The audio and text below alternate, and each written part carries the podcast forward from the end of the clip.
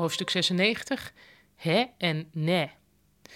Nederlanders kun je in het buitenland vaak herkennen doordat ze in het Engels en in elke andere vreemde taal overal hè achterplakken. We're going to have a barbecue, hè. En dat is super gezellig. Nou, hè is het ultieme Nederlandse tussenwerpsel, maar ik weet eigenlijk niet precies wat het betekent. Ik geloof dat de hè-zegger bevestiging zoekt dat de ander nog mee is in het gesprek. Daarmee krijgt die ander ook even de gelegenheid om in te grijpen. Zo van, ho, wat bedoel je precies? Maar vaak is dat hè zo kort en zo snel dat er helemaal geen reactie gegeven kan worden. Hè is een mysterieus woord. Andere Europese talen hebben volgens mij niets vergelijkbaars. Het gekke is, het Japans heeft het wel. Japanners zeggen ne aan het einde van hun zin en soms ook tussendoor.